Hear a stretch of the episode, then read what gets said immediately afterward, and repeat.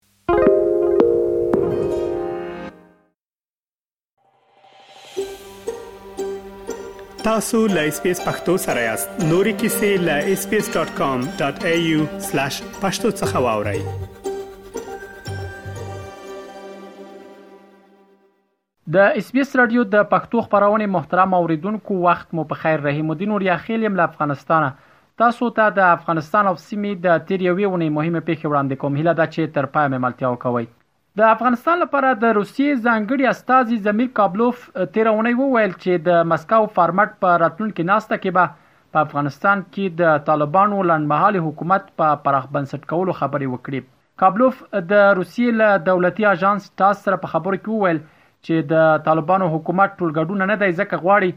د مسکو فارمټ کې بیا خبرې پرې وکړي کابلوف ویل لا هم د طالبانو واکمنو لخوا په حکومت کې د نورو قومونو د ورګډولو سیاست کې بدلون او پرمختګ نه دی راغلی د روسیې ځانګړي استازي دا هم وویل چې مسکو فارمټ راتلونکي ناسته کې له ترهګرۍ سره پر مبارزې او د نشه يي توکو اړوندو جرایمو هم خبرې وشي. په افغانستان کې د طالبانو حکومت هم له وړاندې منلې چې دا ځل به یې پلاوی د مسکو فارمټ په ناسته کې ګډون وکړي. د افغانستان په تړاو د مسکو فارمټ ناسته د روسیې په ګازان کې د راتلونکي سپټمبر میاشتې په نهه ویشت مه جوړیږي. د دغه ناستې وروستۍ هغه یې د تیر کال په نومبر میاشت کې تر سره شوه په هغه ناسته کې د طالبانو حکومت استازو ته د ګډون بلنه نه و ورکړل شوې په دې فارمټ کې روسیا هند ایران قزاقستان قرغزستان چین پاکستان تاجکستان او ازبکستان او ترکمنستان ګډون لري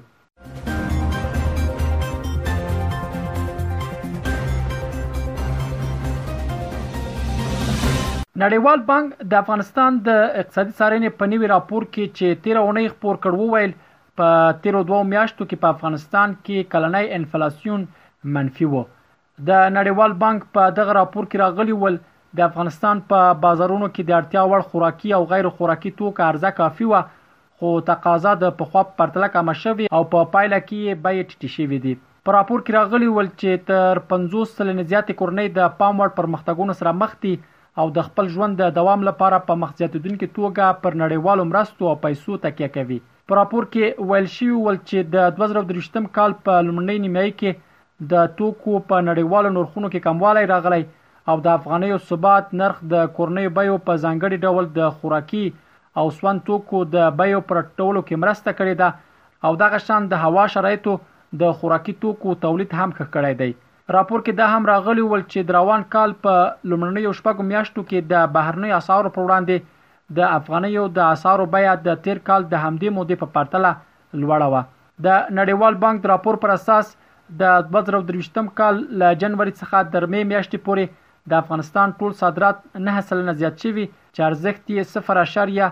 درې اویا میلیارد ډالرو ته رسېدلي. په راپور کې راغلي ول چې د دوه زره او درویشتم کال له جنوري تر مې میاشتې پورې د وارداتو کچه درې اعشاریه یو میلیارد ډالرو ته رسېدلې چې د دوه زره او دوه ویشتم کال د همدې مودې په پرتله شپږ دېرش سلنه زیاتوالی ښيي چې عمده برخې یې خوراکي توکي او منرالونه دي. په دغه راپور کې دا هم ویل شوي وو چې په همدې موده کې د سوداګرۍ کسر دوه اعشاریه څلور میلیارده ډالرو ته زیات شوی دی. طالبانو بیا د نړیوال بانک د دغه راپور هرکلی وکړ او دا یې حقیقت وباله. د طالبانو د سرپرست حکومت ریاست الوزرا اقتصادي معاونیت څخه په خپره شوې اعلامیه کې راغلي ول که نړیواله ټولنه ورسره مثبت تعامل پر افغانستان بندیزونه لرې او کانګل شوې بانکي زیرمې آزاد کړي، دغه هیواد به په اقتصادي برخه کې د پام وړ پرمختګ ولري. نړیوال بانک داسې مهال دا راپور خپروي چې په دغه هیواد کې بیا ورځ تر بلې د بیکارۍ کچه په لوړیدو ده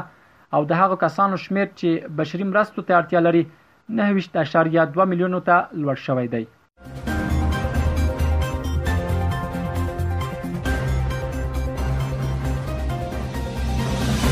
د امریکا د کانګرس د استازو جرګې د بهرنی اړیکو د کمیټې رئیس مايکل مکال تیرونی د افغانستان لپاره د هیواد لاستازو غوښتل چې له طالبانو سره د خبرې ودروي مايکل په یو ټویټ کې وویل چې افغانان له طالبانو سره د متحده ایالاتو د لا زیات ښکیلتیا غوښتونکي نه دي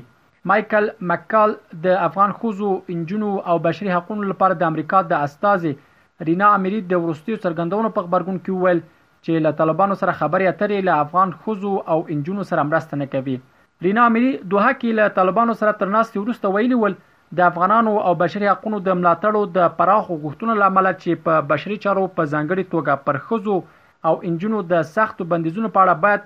له طالبانو سره تعامل وشي، له خپلو همکارانو سره یو ځای خبرو ته کېناستم. د دې ترڅنګ یو شمېر فعالانو او یو شمېر افغان سیاسي او مدني خوځښتونو هم په رینا امیري نیوکې وکړې او ویې ویل چې له طالبانو سره د امریکا د بهرنیو چارو وزارت د استازې په توګه دا ناسته باید د افغان ښځو او د بشري حقونو د فعالانو په نوم توجیه نه کړي. د یادونې ده چې د تېرې اونۍ د یکشنبې او دوشنبې په ورځ د قطر پلازمېنه دوحه کې د امریکا استازو د طالبانو حکومت له یو پلاوي سره دوه ورځنۍ ناسته درلودله او دواړو لوریو د باور جوړولو او د افغانانو په ملاتړ ټینګار وکړ.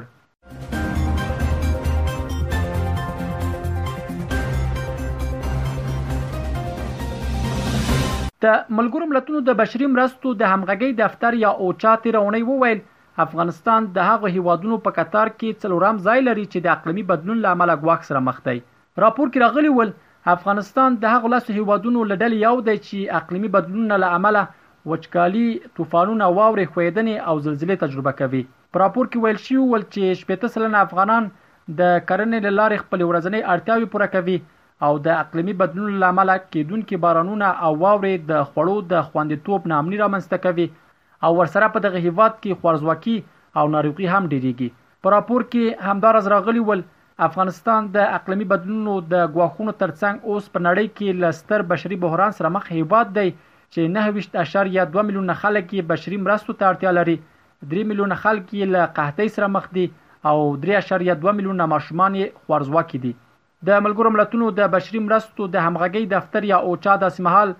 افغانستان د اقلمي بدلون له امله ګواښ سره د مخ هیوادونو په قطار کې راولي چې همدا په تیرو دوه اونۍ کې د افغانستان په یو شمیر ولایتونو کې د سیلابونو د راوتو له امله ګڼ مالی او ځاني تلفات خلکو ته واوښتل.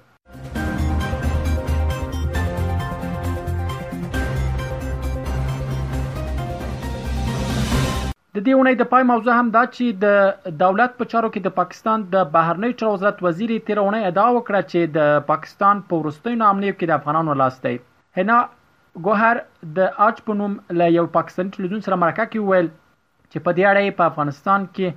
د طالبانو حکومت سره شواهد شریک کړي دي. اغلې ګوهر په خپله دې مرکه کې وویل چې په افغانستان کې د حکومت له بدلېدو وروسته په پاکستان کې د بریدونو شمېر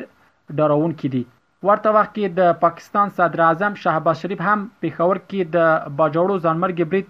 د ټاپیانو د عیادت پر مهال د دغه برید پړه پر افغانانو واچوله او ویې ویل چې په یاده پېښه کې وژل شوي بریدګر د کندهار ولایت اوسېدونکي ول. شهباز شریف د طالبانو حکومت وغوښتل چې د هغو ترهګرو مخه دې ونیسي چې له پولې بهر ترهګریز بریدونه کوي.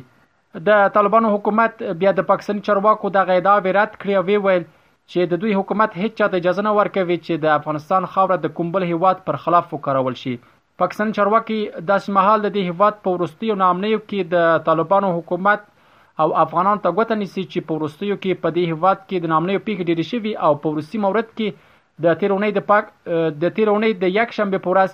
د خیبر پښتونخوا په باجوړ کې د جمعیت علماء اسلام ګوند په یوې غونډه چاودنه وشوه چې لسګونو کسانو ته پکې مرګ ژوبله واوښته او داعش یې مسولیت ومانه دا ول د افغانستان او سیمې د تېرې یوې اونۍ مهمې پېښې چې ما تاسو ته وړاندې کړې. تر بیا ښې چارې. که غواړئ دغه سنوري کیسې هم او رینو د خپل پودکاسټ ګوګل پودکاسټ یا هم د خپل خاكي پر پودکاسټ یو اورئ